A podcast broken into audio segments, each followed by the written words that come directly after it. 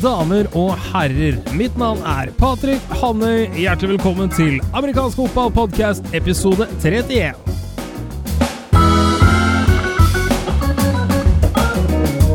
I denne podcasten skal vi oppsummere draften. Jeg får besøk av skribent Mattis Holt, som skal fortelle oss litt om det nye norske quarterback-håpet hos Atlanta Falcons. Jeg får besøk av redaktør av fotball.com, Jarle Magnus Henriksen, og ny bidragsyter Hasse Helland. Vi skal snakke om kampene som er blitt spilt i førstedivisjon. Vi skal snakke om kampene som er blitt spilt i Eliteserien. I tillegg til det ser vi framover om hvordan vi tror det kommer til å gå. Dette blir bra, følg med!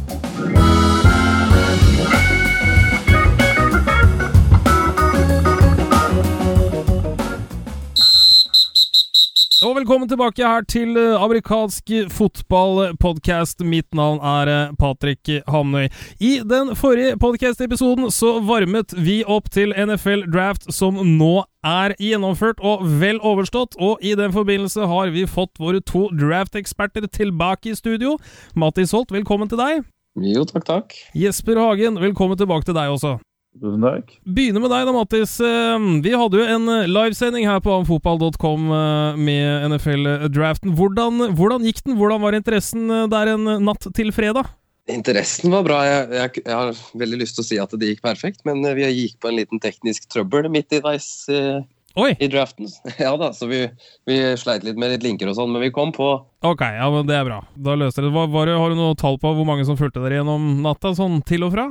Og jeg har ikke sjekka, det kan jeg sikkert finne ut, men det, det var innom i hvert fall sånn 20 stykker eh, på et tidspunkt, så det er ok. Hvilket egentlig er ikke så aller verst tatt i betraktning. Det er draft, og det er natt til arbeidsdag i Norge, så det er, eh, det er bra. Nemlig. Så det, vi, vi bygger steg for, sten for sten, som man sier. Ja.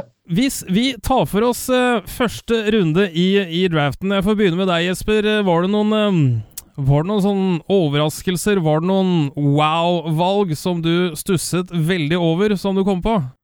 Ehm, ja, egentlig så ehm, Det kan vel kanskje puttes i reach-kategorien. Uh, men jeg ble i hvert fall veldig overrasket uh, av at uh, Giants eh, valgte Evan Ingram på nummer 23 når David Njoku var der. Og så ble jeg litt overrasket over at uh, Garyon Conley falt helt inn nummer 24 etter at eh, det sto over hele Twitter at alle lag har eh, gjort leksa si på han, og at det mest sannsynlig er en eh, falsk anklage som kom rett før om voldtekt. Men det gjenstår å se, antar jeg. Men jeg, jeg ble litt overrasket over det. Annet enn det så var det jo veldig mange trades, da. Ja, det var fryktelig mye trades. Er det bare jeg som ikke er like rutinert som dere, eller? Jeg ble litt, litt overraska over antallet. Det ble litt vanskelig å holde følge en liten stund her på slutten. Det ble rekord, faktisk, til slutt. Det gjorde det. Ja. Ikke, ikke første runde, det vet jeg ikke, men hele draften ble i hvert fall rekord. Knuste den forrige rekorden. Som liksom helt på slutten her, hvor du har eh, valg nummer 31, som endte opp med å bli 49ers, som hadde fått det fra Falken, som hadde fått det fra Seahawks. Ja. Hvordan går noe sånt til, Mattis? Hva, hva er det hva, Hvorfor vil et lag som tilsynelatende nå, eller ikke tilsynelatende, som har en plass i første i draften, velge å si nei, vi har ikke lyst til å plukke noen, vi, vi trader bort. Hvorfor gjør et lag det? Seattle er jo et lag som uh, bare trader ned og trader ned og trader ned hvert eneste år, så det var ikke noe overraskelse at de skulle gjøre det igjen. Og så det, det at 49ers valgte å trade seg opp eh, De trade seg opp for en spiller de vurderte å ta som nummer tre, så det er jo full klaff av, av John Lynch der. Ja, han gjorde egentlig en ganske god draft, John Lynch, den nye general manageren til eh, San Francisco 49ers. Det var jo fryktelig mange skeptikere, med tanke på at han ikke har noen form for personellerfaring, og kommer egentlig rett fra TV-studio inn for å prøve å styre opp en, eh, en klubb som er såpass skakkjørt som 49ers. Hvordan ville du oppsummere eh, San Francisco sin, eh, sin draft, Jesper? positiv. Um, de eh, vil vel egentlig også nevne at de er litt heldige som uh, får uh, Solomon Thomas i fanget, da, i og med at uh, Bears hadde så lyst til å gå opp én plass for å ta Trubisky. Annet enn det så var det bra, bortsett fra at jeg syns de egentlig ikke har gjort noe særlig for å legge til eh, wide receivers, som jeg syns de burde ha gjort. Men annet enn det så var det en eh, veldig mye bedre draft enn hva jeg trodde de kom til å gjøre. Men uh, tilbake til dette her med overraskelser, da, for nå kjenner jeg har masse spørsmål. Jeg flyr over uh, overalt her, så vi får prøve å holde oss litt strukturert. Og med oss så mener jeg meg. Um, Mattis, jeg stilte jo Jesper det, det spørsmålet. Fikk uh, Hadde du noen jøss-opplevelser under draften? Hvor du, hvordan kunne de da ta han? Eller wow, det var et godt valg. Vi var egentlig inne på Gary Conley. Jeg ble egentlig kjempeoverraska over at de tok den sjansen, ja. Raiders, i det hele tatt. Kan ikke du fortelle om, oss litt hva dette her er? Altså, Garin Conley er en uh, cornerback fra Ohio State. Uh, sannsynligvis den beste i hele draften, er det mange som, som har påstått. Men uh, der skjedde det et eller annet før draften. Kan ikke du bare oppsummere hva det var?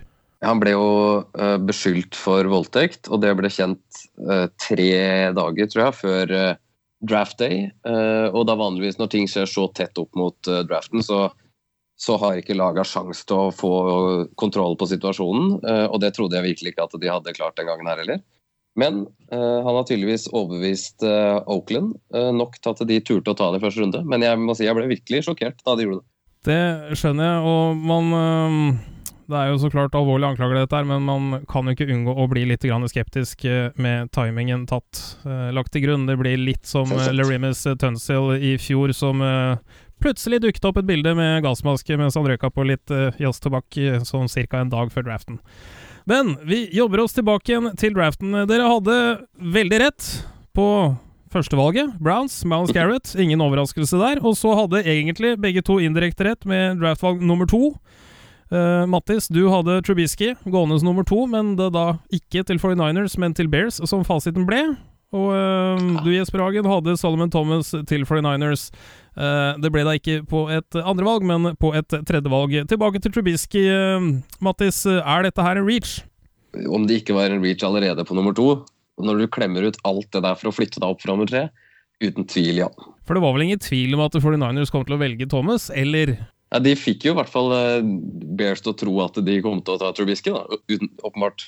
Det er ikke noen annen grunn til at det går opp, eller i hvert fall hvis du er redd for andre skal trade seg opp også, da. Så de lurte dem, rett og slett. Det gjorde de. Kudos igjen til eh, John Lynch. Klarte å klemme ut yes, litt ekstra nettopp. saft ut av den sitronen. Eller i hvert fall det som da blir Chicago Braces-sitron, hvis ikke Trubisky eh, viser seg å være en uh, skikkelig catch. Vi, eh, et annet interessant valg her, som jeg syns uh, Tennessee Titans gjorde, og begge dere to hadde Corey Davies til Tennessee Titans på 18. valg, men han endte opp med å gå allerede som femte. Jesper, har du noen forklaring på at de ikke ville vente helt til eh, valg nummer 18? Jeg tror vel egentlig de eh, ikke trodde han kom til å være der eh, på 18 i det hele tatt, og det er jeg enig med dem i. Jeg tror ikke han hadde gått uh, vart lenger enn uh, Det er mange som kunne tatt han. Senest Eagles på 14, i verste fall Ravens på 16. Uh, jeg regner med at de har kontroll på skadesituasjonen hans også. Han begynte jo å trene rett før draften, sånn cirka. Men uh, jeg, jeg, ble vel for så vidt litt overraska at han gikk nummer fem. Det gjorde jeg. Men at uh, Titan, som da strengt tatt hadde et ekstravalg, gjorde det, det er jeg ikke i det hele tatt. Eh, et annet interessant aspekt ved, ved, denne draften, det er ikke lenge siden eh, man mente at eh, running backs det var passé, og det er ingen ved sine fulle fem som drafter en running back noe særlig tidligere enn andre runde, og det er til og med på en god dag. Denne draften, Mattis, så er det ikke bare én, men to running backs som gikk innenfor topp ti. Har du noen forklaring på hvorfor, eller hvor denne mentalitetsendringen har kommet fra? Vi kan vel ikke skylde alt på Ezekiel Lilliet fra i fjor? Nei, det syns jeg ikke, men du kan hoppe ett år til tilbake, til Todd Gurley. For han var jo også en kjempesuksess det første året hans. Uh, han ble drafta som nummer ti. Så han starta der, på en måte. Han som skal ha skylda for at uh, running back-trenden gikk så til helvete, for å si det sånn, er jo uh, Trent Richardson. som i ja. 2012 vel ble tatt nummer tre og floppa så totalt. Så det er på en måte bare en reaksjon på det valget. Men, men nå føler jeg at vi er tilbake der vi skal være. Men det er jo to ganske vidt forskjellige spillertyper dette her. da. Jacksonville Jaguars plukker Leonard Fournette på 1,83 eh, og 107-180 kilo. Så har du omtrent hans rake motsetning Christian McCaffrey, som går som nummer åtte til, eh, til, eh, til Panthers. 1,80 og har omtrent ikke bikka 90 kilo søkkende våt. Altså hvor, hvorfor kan to så ulike spillere likevel bli sett på som omtrent likeverdige og like verdifulle, Mathis? Fordi begge er dritgode. Altså, jeg, jeg elska begge to når jeg, kom når jeg gående inn mot uh, den draften. her, si. uh, Fornett er jo spesiell type. Altså, du, du, skal ikke kunne flytte på deg så raskt og så sømløst når du er så stor. Uh, så den forstår jeg, at man tar, den, tar han som nummer fire. McCaffrey viste wide receiver-kvaliteter blant de aller beste i offseason nå. Så at han blir drafta som uh, nummer åtte, er heller ikke overraskende for meg. Hvis vi holder oss på McCarthy, da, Jesper. Du hadde jo han uh, til Panthers, hvilket også endte opp med, med å bli fasiten. Uh, han er jo en ganske ulik running back-profil enn det Panthers har vært kjent for å ha. Jeg tenker på Mike Tolbert, jeg tenker på John Stewart. Han er vel egentlig overhodet ikke der. Hva, hva kan han bidra med i offensen til Carolina Panthers, mener du? Masse. Uh, blant annet um, receiver-ferdigheter, som Mattis sa. Men uh, jeg tror nok også han er litt bedre til å løpe mellom, uh, ja, mellom tacklesene, for å si det på godt norsk, enn hva mange tror. men det er litt interessant at de også tok Curtis Samuel rett mm. etterpå. Fordi de er jo Skal ikke si de er like spillertyper, men han er jo en kombinasjon av en running back og en receiver. Og da lurer man jo litt på om da de faktisk har tenkt å bruke McCaffrey mer som en tradisjonell running back. da. Som eh, fantasy-spiller? Som fantasy-spiller så satt jeg egentlig hata at uh, Curtis Samuel ble drafta der. For jeg, jeg, jeg, trodde McCaffrey skulle få alt, men nå, nå tror ikke han får så mye, nei.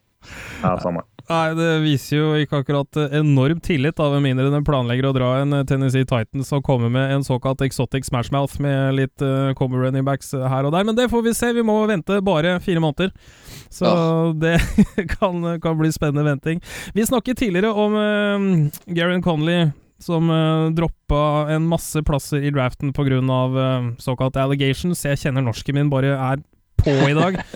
Men en annen spiller som eh, også ble utsatt for noe av det samme, Ruben Foster, linebackeren til Alabama, som dere begge hadde til Cincinnati Bengals på eh, niendevalget, han um, droppet hele veien ned til 31., til 49ers. Mm. Uh, Mattis, kan, kan, du forklare hvorfor? Han har ikke akkurat blitt anklaget for så fryktelig mye? Nei, jeg tror det handla litt mer om sånn character concerns. Og at han var litt for glad i, i partylivet og ikke hang med en så bra gjeng, da, visstnok. Det, det er det som ble sagt. Og så var det jo det der at han ble eh, Han strøk ikke på, på combine i, i drugs-testen, men han diluted sample, da. Det er ikke lett å finne norsk ord. Hva er det? Betyr det at du bare har drukket mye vann, eller at det er noe gærent med prøva di? Det betyr at du ikke kan lese prøva, da. Ok. Uh, og det kan det være mange grunner til. Uh, som f.eks. å drikke for mye vann. Men hvorfor drikker man for mye vann? Man prøver å skjule noe. Så det, Eh, det kan være en av grunnen, i tillegg til at han på combine eh, klikka og ble sendt hjem. Han klikka på sykehuspersonell, eh, for de skulle sikkert ta den der testen. Da. Så det, det, er litt, Når man legger sammen det der, så skjønner jeg at han falt. Så, så, så, tenker jeg, Mattis, Er det ikke egentlig en sånn type spiller man vil ha på innside linebacker? En så ordentlig kødd? Jo, det er det du vil. Det, det er et godt poeng. Og det er jo derfor uh, 49ers gikk etter ham også. De trada jo opp for å ta ham. Så de skjønte at uh, her, her må vi slå til. Ja, så igjen, fire måter, så begynner det å nærme seg antydning til eh, fasit, i hvert fall. Jeg tror um, det her kunne vi egentlig sitte igjen og prate om i, i evigheter, men um, hvis jeg skulle bedt deg da, Jesper, hvilket lag mener du gjorde den beste draften i 2017? Oh, nå spør du vanskelig her, for jeg syns egentlig veldig mange var veldig flinke. Det er litt kjedelig å si Ravens, egentlig, fordi de velger jo egentlig alltid ganske bra. Uh, men jeg syns draften deres kanskje var den beste, med å få um, uh, ja, Humphrey på 16. Uh, eh, og så dekket de ellers behovene sine veldig bra. Blant annet, jeg ville, Du sa jo før vi gikk på lufta her at vi ikke skulle så veldig ned i rundene, men Nico Sirogusa i fjerde runde, knallbra Deilig spiller. Så, Fantastisk ja. spiller. Så Jesper, du holder altså da en knapp på Baltimore Ravens som den eh, klubben som gjorde det desidert best eh, under draften. Mattis, eh, hvis du skulle trukket fram ett lag, hvilket skulle det vært? Jeg føler nesten er litt åpenbart, men Cleveland Browns gjorde jo en ekstrem jobb. Uh, for det første, de fucka ikke opp første, førstevalget. De tok Miles Garrett. Strålende jobba. Det sier jo litt om hvor mye vi forventer da, når plussen kommer fordi de ikke kødda det til. Men ja, for all del. uh, og så hadde de jo tolvtevalget. Der valgte de å trade ned med midt Houston Texans, som betalte altfor mye for å gå opp og ta Dishan Watson. Ja. helt, og det syns jeg er helt ålreit av Browns, for Dishan Watson jeg er, jeg er ikke solgt. Eh, de går ned. De får uh, tatt en type uh, som Jabil Peppers, som kan gjøre veldig mye for det forsvaret. Og så med det, de valgene de fikk fra Texas, så trader de opp igjen og tar David Njoku, som er en tight end som har skyhøyt potensial. Og så kommer de i andre runde og tar kanskje den quarterbacken som jeg mener har høyest tak, nemlig uh, Dishon Kaiser, og får han midt i andre runde. Så Cleveland Browns, gratulerer. Ja, dæven. Jeg hadde tenkt å si det samme, ja.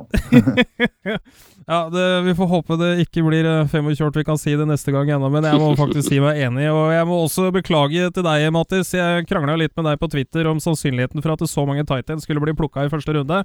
Uh, jeg er glad vi ikke tok noe veddemål på det, fordi den hatten hadde jeg da blitt nødt til å spise opp, så tydelig så er det Dere, dere veit litt hva dere driver med, det skal dere ha.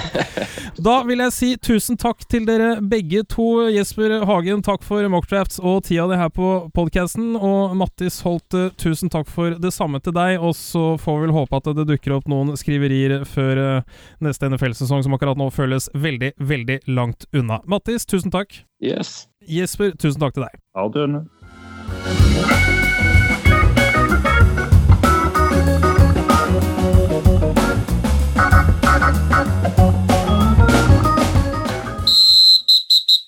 Og vi fortsetter her med vår dekning av NFL-lagene, eller i hvert fall ett av dem, etter uh, draften, fordi det ble furore når vi her i Amfotball.com uh, kom ut med artikkel om en undrafted free agent til Atlanta Falcons, som uh, var en ung herremann med det særdeles norskklingende navnet Alec Torgersen, eller som vi skulle sagt, Alec Torgersen.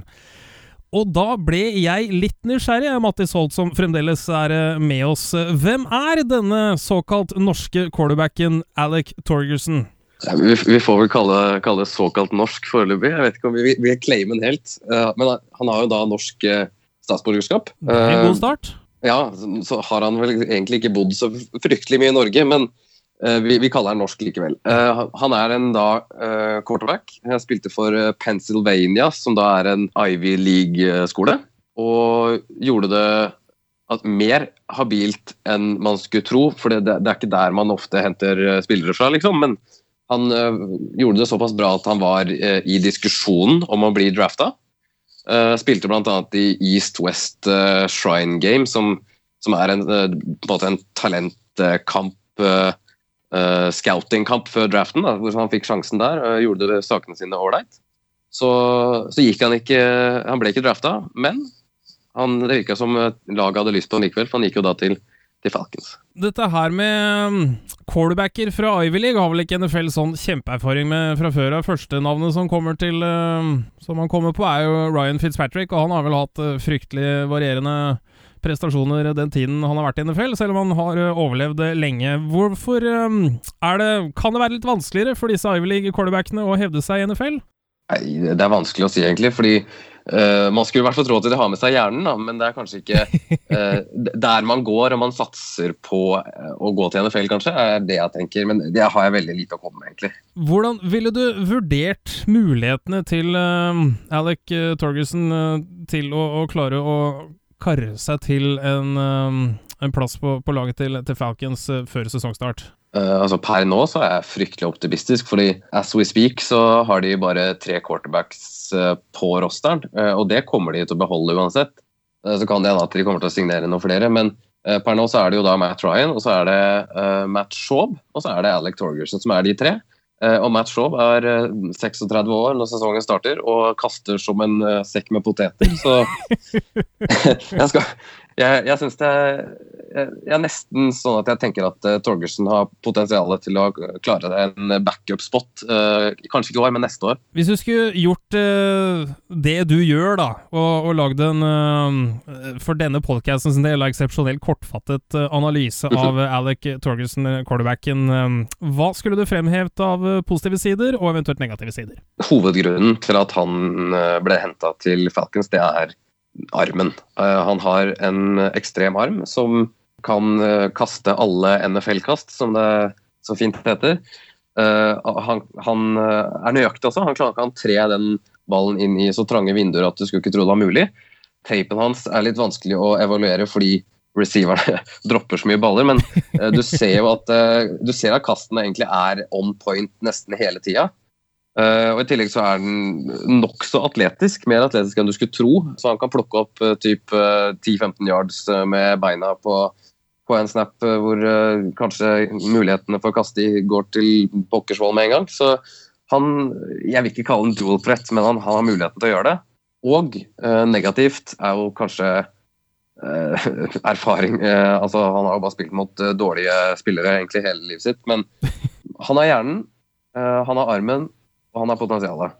Litt fumbles hadde han også, det er et problem, men ellers så jeg ser positivt på det. altså. Men det her blir uansett uh, spennende å uh, følge med på. Jeg, uh, dette her med, med, med Ivy League og, motstand osv., det var jo også litt av kritikken mot Carson Wentz før han ble draftet av Eagles i fjor, at han hadde spilt da i hakket under FBS, men han ender jo opp med å gjøre det bra for det. Altså, er, er det Absolutt. Kan man egentlig basere noe på, på, det, eller er det nettopp det som, som gjør det så usikkert? Nei, det er bare det at det er vanskelig å evaluere. Det, så klart kan du være god mot bedre motstand også, men du har liksom ikke sett det. Det er det som er problemet. Hvis du skulle sammenligna Torgerson med en eh, NFL-QB som vi kanskje kjenner fra før, hvilket navn skulle du plukket frem da? Tja uh, det, det, er kanskje ikke så kjent navn, men Kevin Hogan, uh, som er en del av Cleveland Browns, har mye likt. Kan plukke opp yards med beina og har en veldig habil arm. Så det er kanskje den jeg vil sammenligne ham med. sånn uten å ha tenkt noe særlig på det. Nei, men eh, det er et svar, det, så da sier jeg takk for det. Vi gleder oss. Vi heier jo selvsagt på han, selv om vi sannsynligvis skulle gjerne ha sett at han kom og spilte landslagskamper for oss, men uh, den sjansen er vel ikke akkurat enorm i disse dager, så vi får se og vente i spenning. Mattis Holt, tusen takk. Yes.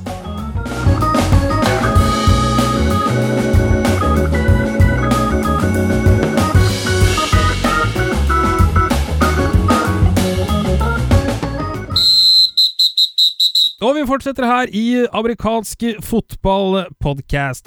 Turen har kommet, endelig vil kanskje noen også si, til den norske serien som nå er i gang for fullt. Vi skal ta for oss førstedivisjon, vi skal ta for oss Eliteserien. Denne sekvensen skal i all hovedsak handle om førstedivisjon. Med meg, som alltid, redaktør av fotball.com, Jarle Magnus Henriksen. Velkommen til deg. Tusen takk for det, Patrick. Og så har vi med en spesiell gjest ved navn Hasse Helland. Velkommen! Takk skal du ha, Patrick. Du eh, er jo langt ifra noe nytt navn for amerikanske fotballscene i Norge, men akkurat på podkasten har du ikke vært eh, tidligere, så da tenkte jeg vi tar en råsjans og presenterer deg for resten av befolkningen. Du har altså elleve års erfaring som uh, hovedsakelig linjespiller uh, i Hordaland, Bergenstorm og Åsane Seahawks. Yeah. I tillegg til det så har du også vært, og det her stussa jeg litt over, du har spilt et år på college i Irland. Er det, er det fotball ja. der? Der er det faktisk eh, et ganske stort marked for amerikansk fotball. Yes. Man skulle jo um, tro de hadde plenty med rugby og hurling, eller hva de kaller den der eh, sære sporten de har der, men tydeligvis er det plass til amerikansk fotball også. Hvordan, hvordan, hvordan er det? De fleste store collegene der, da, de har gjerne flere forskjellige lag innen forskjellige idretter. da. Så amerikansk fotball har jo da bare steget og steget siden jeg tror det var rundt 2005. Så eh, nå er det vel kanskje en 15-20 lag der borte i de øverste divisjonene. Yes. Det er jo Du, eh, du Et lite spørsmål, eh, Hasse. Jeg kom ikke på dette før nå, men du har gått på college? ja, vel, gikk og gikk. Eh, måtte gå til noen timer eh, for å få lov å spille. Men eh, jobbet stort sett ved siden av. Det høres uansett ut som en, som en, artig opplevelse. Vi skal eh, som nevnt eh, ta for oss uh, førstedivisjon, men før det så tror jeg Hasse Helland hadde en liten shout-out til de lavere divisjoner. Hva hadde du å melde der, Hasse? Ja, vil uh, gratulere Fredrikstad Kings med deres første seier. um, over uh, Tønsberg Raiders 5-2. Så det var jo uh, fantastisk gøy å høre. Det var det absolutt, og en stor applaus til Fredrikstad Kings fra redaksjonen her i amfotball.com. Måtte det fortsette videre fremover også. Hvis vi da hopper et hakk opp fra divisjon til første divisjon, så har det siden forrige podkast ble spilt inn, vært avviklet tre kamper. Første kampen, Kristiansand Gladiators mot Haugesund Hurricanes, en kamp som Kristiansand vant 22-6. Olavs menn møtte Kolbotn Hunters i en kamp som redaktør av kom refererte til som Battle of the 40-tallet. Den vant Olavs menn 21-0.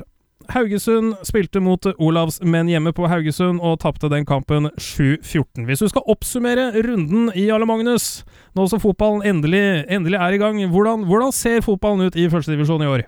Jeg syns den ser eh, bedre og mer interessant ut enn den gjorde i fjor. Når jeg sier bedre, så mener jeg ikke nødvendigvis at, eh, at topplagene er eh, bedre. Jeg syns både Domers og Åsane hadde noe for seg i fjor som, som, kanskje ikke alle de andre lagene her byr på. Men det er jevnere, så det er mer interessant å følge med på. Og så er det veldig stilforskjell på noen av lagene. Da tenker jeg spesielt på Haugesund og Olavsmenn, som spilte nå i helgen hvor Haugesund spiller et eh, spread offense, mens Olav, Olavs menn spiller en variant av eh, double wing. Men det er, det er, ikke helt det heller. Spiller bl.a. med shotgun cube og litt sånne ting. Eh, og så har du da Kristiansand som, eh, som mikser det noe mer, og Kolbotn som eh, De har Frank Valais som trener, så det er klart at da er det 1993-offens. det er det. Det blir litt overrasket over, over tallene her. Altså, det er ikke Det er ingen, ingen blowout enn så lenge. Har lagene endelig lært seg å spille defense, eller er det den andre siden av ballen som sliter? Nei, det, det er blanding. For det første så er det en del bra ting som gjøres på, i Forsvaret. Men aller eh, mest så syns jeg at vi ser, eh, og nå sikter jeg egentlig til det jeg har sett av Olavsmenn, Kolbotn og, og, Haugesund, så ser vi at eh, de sliter med å få i gang et angrepsspill. Jeg syns Kristiansand hadde noe mer å fare med der. Og så kikka jeg litt på statsen, da, for vi, hadde noen som var snille og tok statistikk for oss av den kampen. Det jeg hadde sett før jeg så statistikken og før jeg så egentlig kampfilmen, det var, det var klipp fra kampen. og Da ser du liksom Levan som løper over folk og alt er fryd og gammen. Eh, men hvis du ser på statistikken, så sliter Kristiansand voldsomt med å få i gang løpespillet, mens de hadde et pasningsspill som da eh, fungerte veldig bra. Når vi ser litt mer på kampfilmene, så er det jo helt klart at det er et stykke opp til Eliteserien. Og Eliteserien er ikke helt fantastisk den heller akkurat nå, men, men du, du, ser en markant forskjell. Men du Hasse, du spilte jo senest uh, i fjor mot uh, flere av, av, disse lagene. Hvordan syns du nivået på førstedivisjon er i år kontra i fjor? Nei, du ser jo uh, en endring i spillestil og mye taktikk her. da. I de fleste årene som var, si, mange år tilbake, så har det vært liksom at videovisning og taktikk har vært litt sånn her ja, vi tar det på trening, vi ser hvordan det går på kampdag. Men du ser det mye mer planlagt uh, ut ifra hvordan de forskjellige motstanderne stiller opp. og sånn som det, Så virker det som folk har en plan nå for disse tingene. da. Så ditt inntrykk er at man bruker mer tid på scouting av motstanderne i år enn det de kanskje har gjort tidligere? Ja. Hvis vi da tar for oss eh, kamp for kamp, da, Jarle Magnus, vi kan begynne med Kristiansand Gladiators mot eh, Haugesund Hurricanes. En kamp eh, Kristiansand vant relativt komfortable 22-6. Hvordan forløp kampen seg? Styrke, svakheter hos respektive lag? Der var det sånn at det begynte jevnt og så ut som to ganske like lag. og så Etter hvert så fikk Kristiansand pasningsspillet sitt i gang. og skårte vel, jeg tror en, en pasningsrute inn i ensomt fra kuben Håkon Lorentzen, tror jeg han heter, til den danske Truls Christensen. Verdens uh, høyeste danske. Uh, I Kristiansand, da. I Kristiansand, ja. og så var det vel en touchdown fra Levan i hvert fall. Pluss at de hadde Hvor mye av spillet er pasninger. Og så er det noen løpsspill innimellom som får noen yards, og, og de kom inn i, inn i red zone der. Eh, og så hadde de eh, en, en, greie hvor de liksom de greide ikke helt å få hull på byllen heller. Det var ganske jevnt uh, underveis. Og spesielt uh, forsvaret til, til Haugesund var bra. Helt åpenbart at de var forberedt på løpsspillet. Uh, sånn at der hvor de ikke takla veldig bra sånn helt umiddelbart, så var det en haug med folk som fulgte på. Og da, da får du til ting. ikke sant? Da får du stoppe ting. Så greide de å skåre selv òg. Og det begynte å se spennende ut uh, og jevnt ut. Uh, at de skulle skåre det, var jo Jeg hadde jo egentlig forutsett uh, Nå var det ikke jeg som skrev previewen, men jeg hadde sett for meg at de skulle få mer gang på offensivet sitt, og det, det sleit de virkelig med, altså. der var det mye som ikke satt.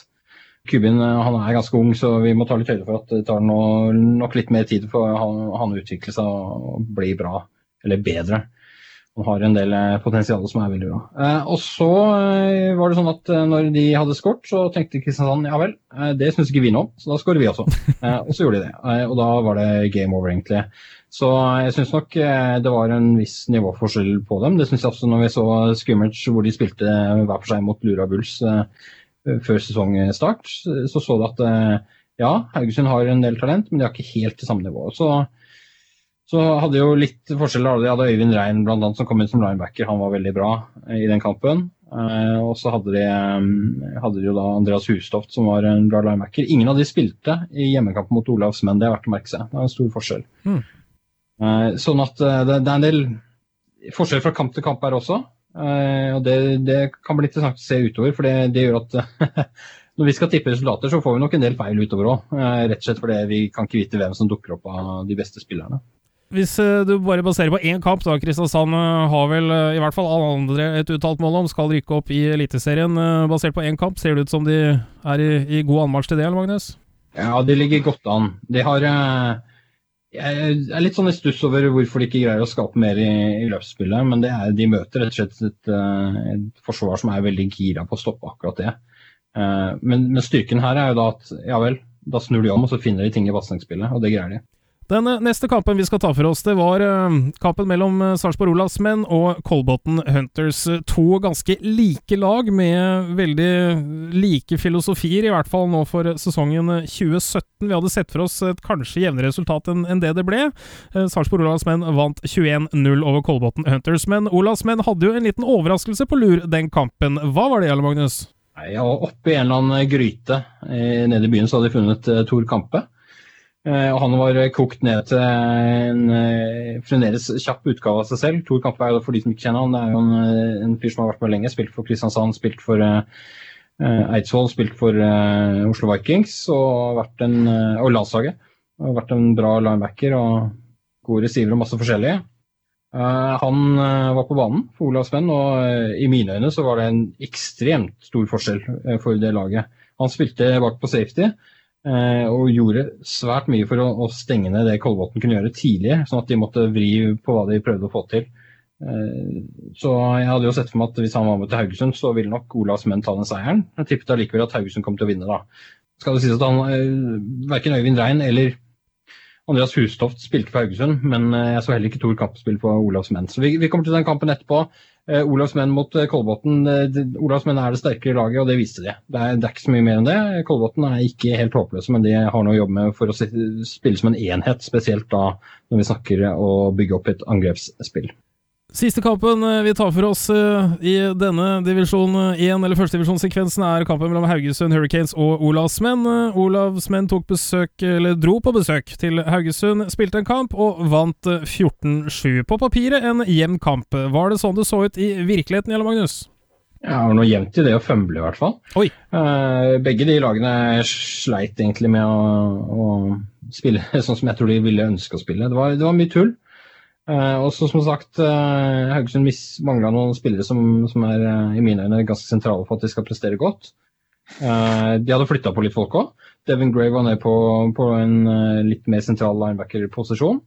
Uten at det betydde all verdens. Jeg syns Olavs menn gjorde habil innsats, og det fikk de som fortjent for. De, de leda jo 14-0 til pause. og kunne fort gått med den veien. De var, var det bedre laget, syns jeg. Men Haugesund har jo mer pasninger og mer incompletions av, det, av den grunn.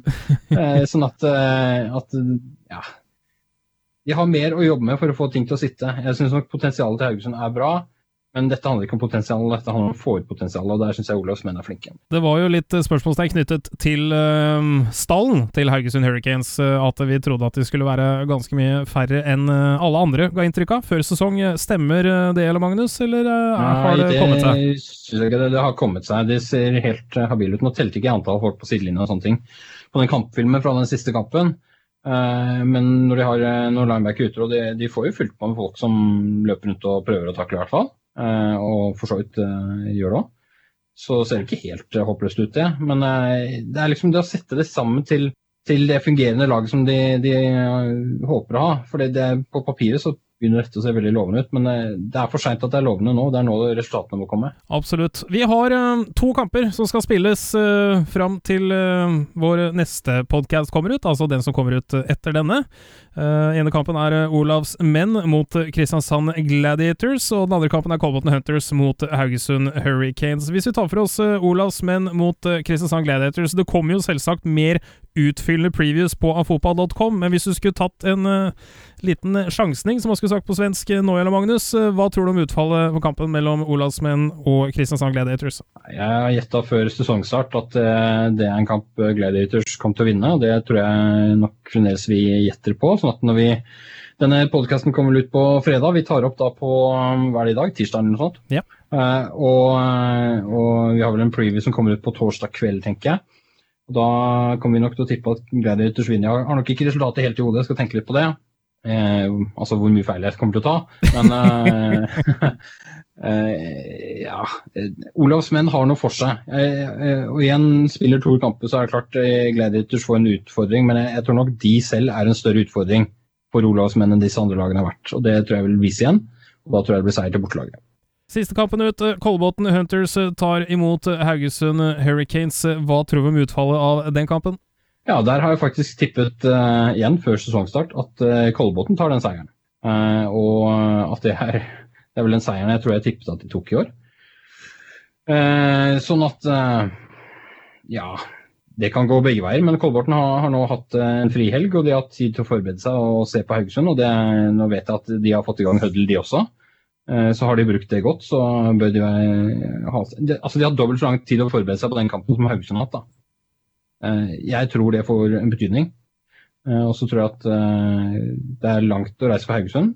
Hvis ikke de reiser med en topp tropp, så kan det bli hakket tøffere enn det de forventer. Så du tror da på hvilket lag? Hørdalbotn. Og Det var altså dine spådommer, Jarle Magnus. Hasse Helland, har du noe hva skal vi si, fremtidskulesyn på hvordan disse to kampene kommer til å gå? Jeg tror at hvis Haugesund reiser med en full tropp Eh, med sine beste spillere mot Kolbotn, eh, så vil de faktisk slå Kolbotn. Mm. og det er fordi at Kolbotn kan bli veldig løps-enformig. Altså, det er jo stort sett deres bread and butter. Ja. det er det løpstunge offenset de har. Haugesund har litt mer versatility kan du si, på akkurat det punktet der. da. Så du mener det taler til Haugesund sin fordel, forutsatt at de kommer med full tropp? Absolutt. Og i kampen mellom Olavsmenn og Kristiansand Gladiators, da tipper du 24-14 til Gladiators. Nei, men da tar vi til oss den. Vi får fasiten om ikke så altfor lenge, så da sier jeg takk til dere begge, og så fortsetter vi med Eliteserien.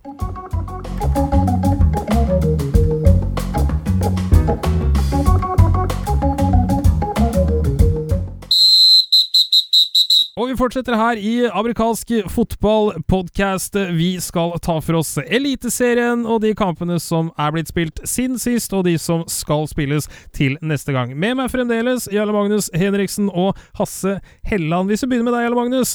Hei, hei. Hva tror du eller hva tror du, hva syns du om Eliteseriens to første kamper 2017, hvis du skal oppsummere? Ja, eh, litt rotete. Mye, mye, som skal sette seg som ikke har satt seg ennå. Og så er det mye spennende potensial i eh, samtlige av de lagene jeg har sett, i hvert fall. Eh, så det blir, blir, interessant å se hvem som greier å sette det sammen best eh, nå de kommende si, halvannen måneden. Sånn at vi Altså på det tidspunktet så tenker jeg at vi begynner å se et uh, sluttspillsbilde som begynner å danne seg, det gjør vi jo definitivt ikke ennå.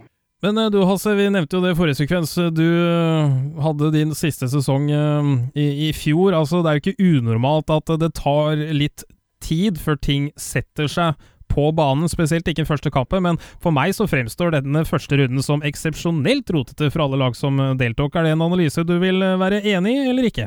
Ja, det er jo første kampen. Sant? Og da er jo det gjerne de eh, feilene som kommer eh, til syne, som er gjerne på eh, kan du si, angrep. Sant? Altså Forsvaret har jo en tendens til å egentlig bare falle på plass tidlig. Men det er jo angrepet som alltid vil slite de første rundene. Det, det er det jo spesielt, uh, Jarle Magnus, du får jo si om du deler dette her. Altså, Samspillet callback-receiver virka å være et kjempeproblem på, på alle lag, egentlig. Altså, Har de ikke hatt nok tid på seg på å forberede dette her, eller er det, hva, hva, hva er dette her? Det er nok ikke alle som er eh, på eh, lørdag morgen eller søndag morgen eh, i forsesongen og, og løper ruter sammen med QB-en sin. Det tror jeg vi ser ganske tydelig. Så er det noen som har mer kjemi. Så er det en, en annen ting her er selvfølgelig at eh, man, man, man spiller mot motstand. da. Så Du ser at eh, liksom, det er ikke alle som helt eh, finner rutekombinasjoner eh, på den måten som de skal. og Da snakker vi om receiverne i forhold til hvor de er opp mot hverandre. Og så syns jeg det er, det er klart at uh, har du en, en O-line som ikke har satt seg ennå, så blir det fort noen kuber som må løpe litt rundt. Der er det jo noen som er heldigere enn andre, da. Eller ikke heldigere, det er jo trent godt på, på noen steder. da. Når vi eh, gjorde previews på disse to kampene, da tenker jeg på Vålerenga Trolls mot eh, Åsane Seahawks og uh, Lura Bulls mot Oslo Vikings. Altså, vi tippa jo totalt feil på, på begge kamper. Hva, hva skyldes det? Det skyldes helt klart at uh, lagene har lurt oss. Nei, uh, for det første, uh, jeg vil jo påpeke én ting. da. Folk er flinke til å se på hva vi tipper resultat, men de er ikke så flinke til å lese hva vi skriver. Det vil jeg anbefale å ta en ekstra kikk på, for der ligger nok mye som passer godt inn med hva som eh, foregår i kampforløpene. Eh, Så er det sånn at Kampene kan gå litt forskjellige steder. Vi, men vi tippet da f.eks. at Trolls kommer til å vinne 22-20 over eh, Åsane. Eh, De skåret riktignok nesten 22 poeng, nemlig 21. Eh, Men Siox eh, fikk jo gleden da, av å skåre 33 poeng, og, det, det var en god grunn til. Eh, Trolls eh, lot dem komme inn i en kamp som, eh, som Troll så ut til å ha kontroll på helt innledningsvis, men de, de kom, jo aldri, kom jo aldri i mål. Eh, og får, får du ikke poeng, og så er det Ja, nei, ikke sant. Og så har du, har du en gjeng med 40 kaklende bergensere da, som eh, står på sidelinjen og tenker at ja, dette kan vi få til. Eh, og det gjør du jo. ikke sant? Fordi at eh, Du kommer inn i kampen, du, du ser at du har muligheten, og, og, og du har jo talentet. Det er jo ikke tvil om at de har talent rundt omkring som er kjempespennende. Det er gøy å se på. Kanskje ikke så gøy når man er motstander, men, men eh, det, er jo, det er jo greit at kampene blir spennende. Og det er veldig bra for serien at det laget som er nyopprykket, eh, med en gang markerer seg på den måten at du skjønner at hei, her blir ikke, blir, det er ikke noen som blir femtehjul på, på vogna. da.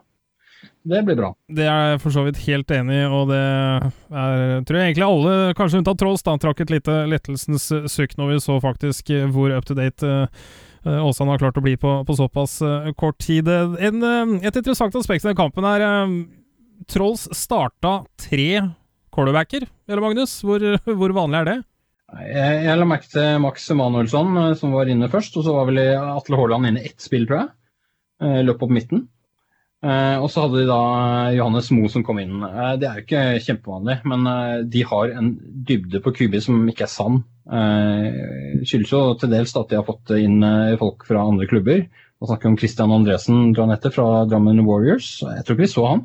Eh, og så har de da Johannes Moe og Brage Harby fra Domers. Eh, legger for øvrig merke til at eh, det er flere klubber i Eliteserien som har fått, og for så vidt førstefront, som har fått inn eh, spillere derfra. Det, jeg tror nesten det er nok til et lag jeg, fra dommers, Så OK, interessant. Ja. Eh, men det kjekke er jo at det er mange av de som er gode spillere, da, så det forteller litt om at det bør være liv laga for fremtiden i, i, Trondheim. Max Emanuelsson var jo en, en spiller som, som de satset på, og det sikkert fremdeles gjør, men eh, han lyktes ikke helt denne kampen her. Han hadde vel eh, en drive helt mot slutten av andre periode, hvor han og Petter eh, Torp fant tonen, og, og det endte med en touchdown.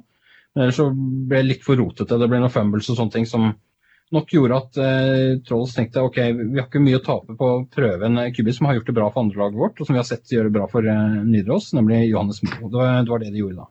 Altså, du har jo eh, bakgrunn fra, fra Åsane Seahawks. Eh, Har du fått med deg noen reaksjoner derfra etter, eh, etter kampen? Er det lettelse, glede vil jeg anta at det er, men er det lettelse, eller var det litt mer sånn ja ja, dette var som forventet, for vi har jobbet bra. Hva har du hørt fra, fra den siden av landet? Vel, det er jo to tyske trenere, så det var som forventet. Var svaret jeg fikk da. Eh, de har jo en del nye spillere. Det har jo vært et generasjonsskifte nå i Seahawks, eh, der en del av den gamle garde har forsvunnet ut. Um, og de hadde jo da med seg fem spillere sånn som jeg forsto det, som aldri hadde hadde spilt en kamp før i dag. da. Oi. Eller før i helgen som var. Uh, og To av de var starting O-line og en var starting D-line og en yes. linebacker. da. Så det hadde jo sikkert noe inn å si på uh, i begynnelsen av kampen. Men uh, alt i alt da, så er jo dette et lag som har sett for seg at de skal trene mer enn motstanderen i år. og Se mer video enn motstanderne og trene hardere på disse tingene. da. Så de tar absolutt ikke lett på oppgaven i Eliteserien.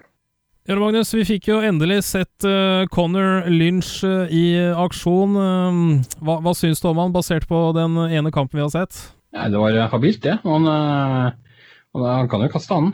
det var en del pasninger som ikke satt helt i begynnelsen av kampen, og det var litt blanda drops. Det skyldtes flere ting, så jeg skal ikke legge alt det på hans skuldre. Så kom det en interception veldig tidlig, og da tenkte jeg aha, ok, litt Tyskland om igjen, dette her. Han hadde en god del interceptions der.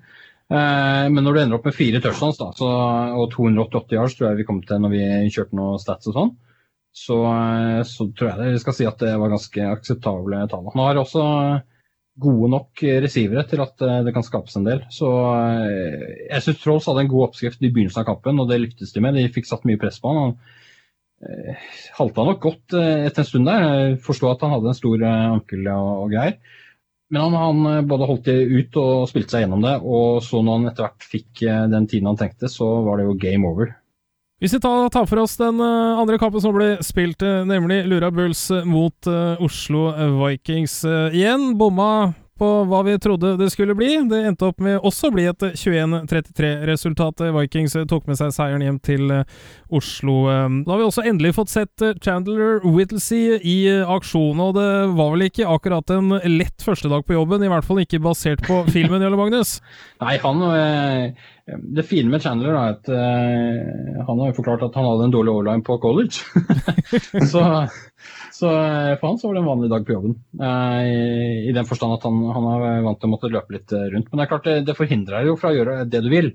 Eh, når du stadig blir løpende rundt for å finne løsninger på å få stå i fred til å kaste. Da. Det var jo virkelig et umenneskelig pressmål til tider. altså Det var ikke mange sekunder før en eller annen fra D-line til Vikings kom gjennom. Forteller det oss mer om den defensive linja til Oslo Vikings eller den offensive linja til Lura Bulls? Nei, Det forteller oss mest om O-line og Slurabull som må, må, sette seg på en helt annen måte skal dette være liv laga. Eh, det ligger mer der. Nei, det ikke, skal ikke ta så veldig mye vekk fra D-line til Vikings. Det er mye flinke folk der, men eh, jeg vil nok si at eh, de kommer til å møte vanskeligere oppgaver utover sesongen. Kanskje også hos Bulls neste gang de møtes, enn det de møtte i, i helgen som var. Hasse Helland, ditt inntrykk av kampen mellom Lura Bulls og Oslo Vikings. Var det en fortjent seier for Vikings sin del? Altså, jeg så jo det eh, at på offense, hvis uh, han quarterbacken til Lura uh, hadde fått tid, så så du plutselig hvordan de fikk tredd ballen nedover bakken, nei, nedover banen. og du så liksom at Oslo de slet litt på offense den dagen her. da. Defense så var jo rett og slett Oslo overlegen den dagen her, virket det som.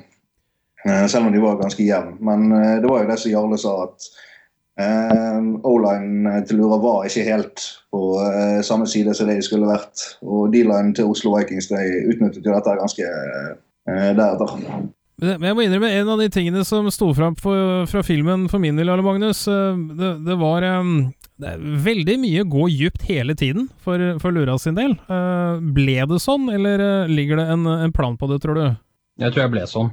Jeg tror nok også man eh, fort ville prøvd å gå mer til Edvard Duvsæter hvis man så åpningene der. Eh, det var nok for så vidt enkelte ganger han var åpen hvor han ikke ble kastet til, men eh, Vikings hadde forberedt seg godt og hadde vel stort sett et par mann med øynene på han. Så i tillegg til at Edvard har nok spilt bedre kamper og kommer nok til å gjøre det igjen, tenker jeg, enn det han greide 30.4.2017.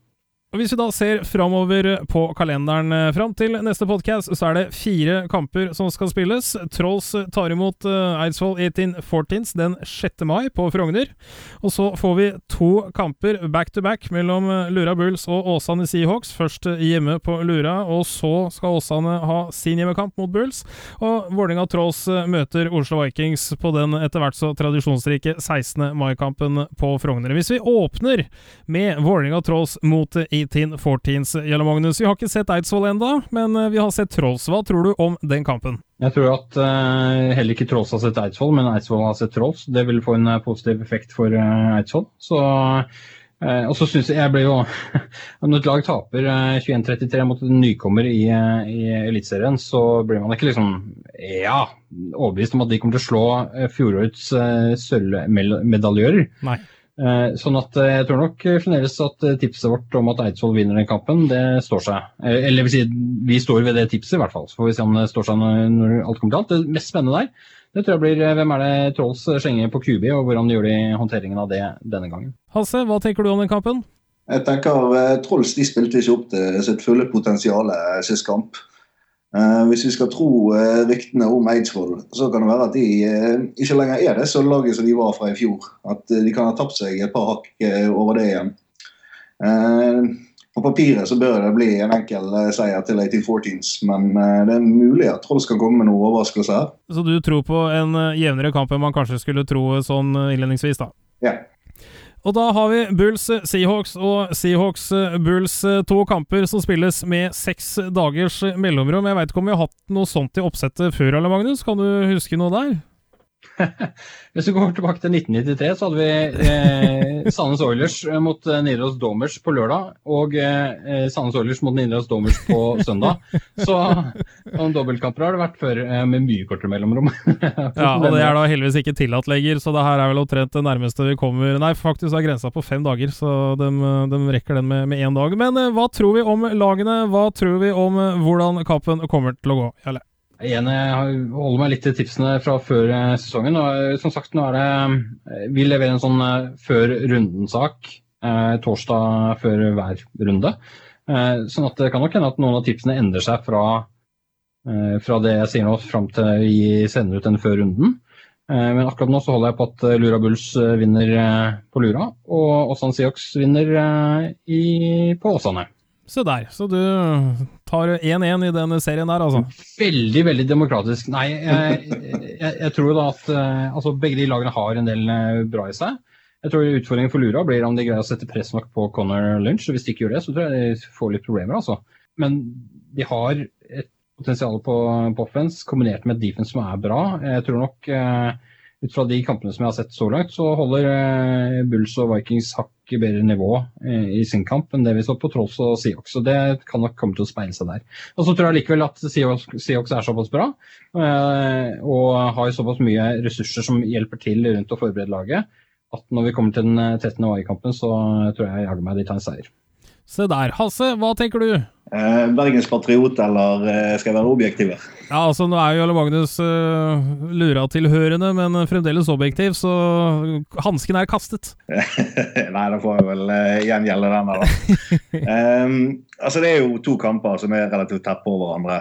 Um, og det å møte samme motstander eh, såpass tett på hverandre, det vil jo selvfølgelig være utfordringer. Og, for du vil jo lære av det motstanderen har gjort.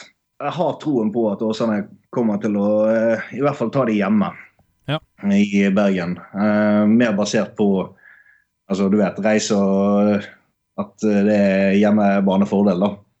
Men når det kommer til stykket, så må jo du se da at dette er ikke det samme Åsane-laget som Lura møtte i fjor. Nei. I er eh, det- er det ingen som tror. Nei. Eh, For i fjor var jo det ganske rått parti eh, mellom Lura og Åsane. Eh, om det var pga. at Åsane ikke fikk bruke importer og Lura fikk, det er jo en Den diskusjonen er vi ferdig med. Gå videre. Men uh, uansett, jeg tror det kommer til å bli grådig jevnt. Ja. Styrken hos Lura er jo pasningsspillet og en uh, mobil quarterback med et eh, pass read option-angrep.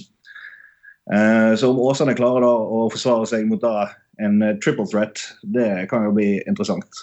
Eh, så vil du da igjen se altså Det vi ser ofte i Norge, er jo at secondary er det problemet vi sliter mest på i Norge. eh, Når det kommer til de fleste lag.